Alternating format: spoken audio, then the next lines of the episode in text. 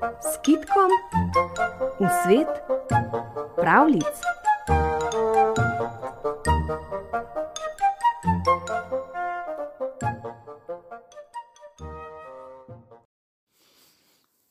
Kako je želva letela nad oblaki?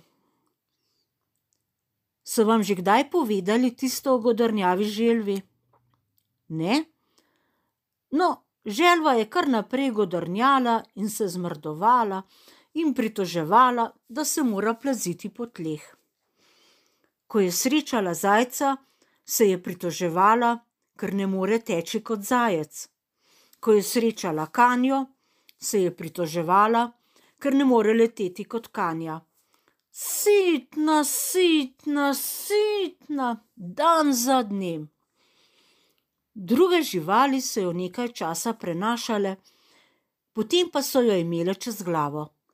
Zmenile so se, da jo odnesejo do oblakov in tam spustijo, pa naj enkrat pošteno leti. Nekega dne je torej želva srečala vrano. Spet je godrnjala, da bi letela, pa ne more, kakšno življenje, vedno se le plazi. In zdaj je vrana rekla: Tetka želva, sedi mi na hrbet, tako visoko te odnesem, da boš lahko zajahala oblake. Želvi je bilo prav. Zlezla je vrani na hrbet in lepo sta vzleteli. Leteli sta, leteli, želva se je ozirala navzdol in bila je tako polna sama sebe, da skoraj ni opazila znancev, ki so dvigali klobuke in jim mahali v pozdrav. Čez čas se je vrana utrudila in rekla: Le do tu zmorem, tetka želva, ampak sestra Kanja lahko leti še veliko više. Zlezi na hrbet, da te odnese naprej. In res, želva je sedla na kanjo. Tako visoko sta zleteli, da sploh ni več razločila prijateljev, ki so ostali na tleh. O, to je najlepši dan mojega življenja, je vzklikala. Leteli sta čez gozdove, leteli čez reke in jezera, leteli, dokler se ni tudi Kanja utrudila. Le toliko zmorem, je rekla, ampak tam prihaja kragul, on lahko leti še veliko više.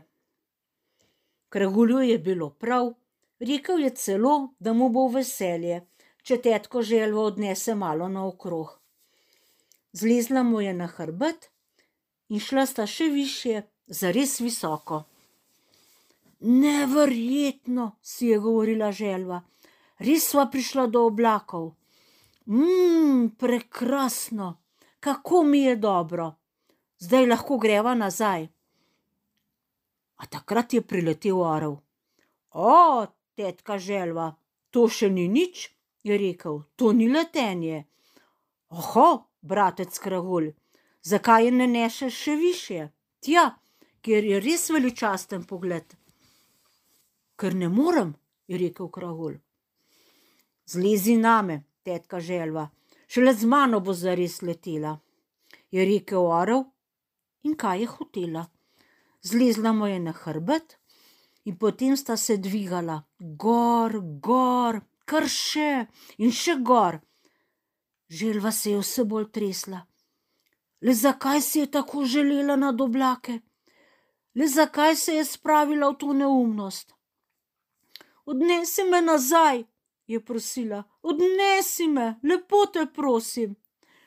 Tako me je strah, da se zdaj zdaj prevrnem in se je očitala, kako godrnjava tepka je bila. Če še kdaj začutim tla pod nogami, si je govorila, ne bom nikoli več godrnjala, da ne znam leteti. Ampak orlu so višave všeč in ni odnehal, kar letel je in letel, više in više. Takrat se je tetka želva spomnila, da ima v žepu nit, navito v klopčič, ravno včeraj si jo je kupila. Skrivaj jo je prevezala orlu za noge in klopčic spustila navzdol. Potem pa se je prijela za nit, močno, močno in zdrsnila do tal. Od takrat je ni nihče več slišal, da bi se pritoževala, ker ne zna leteti.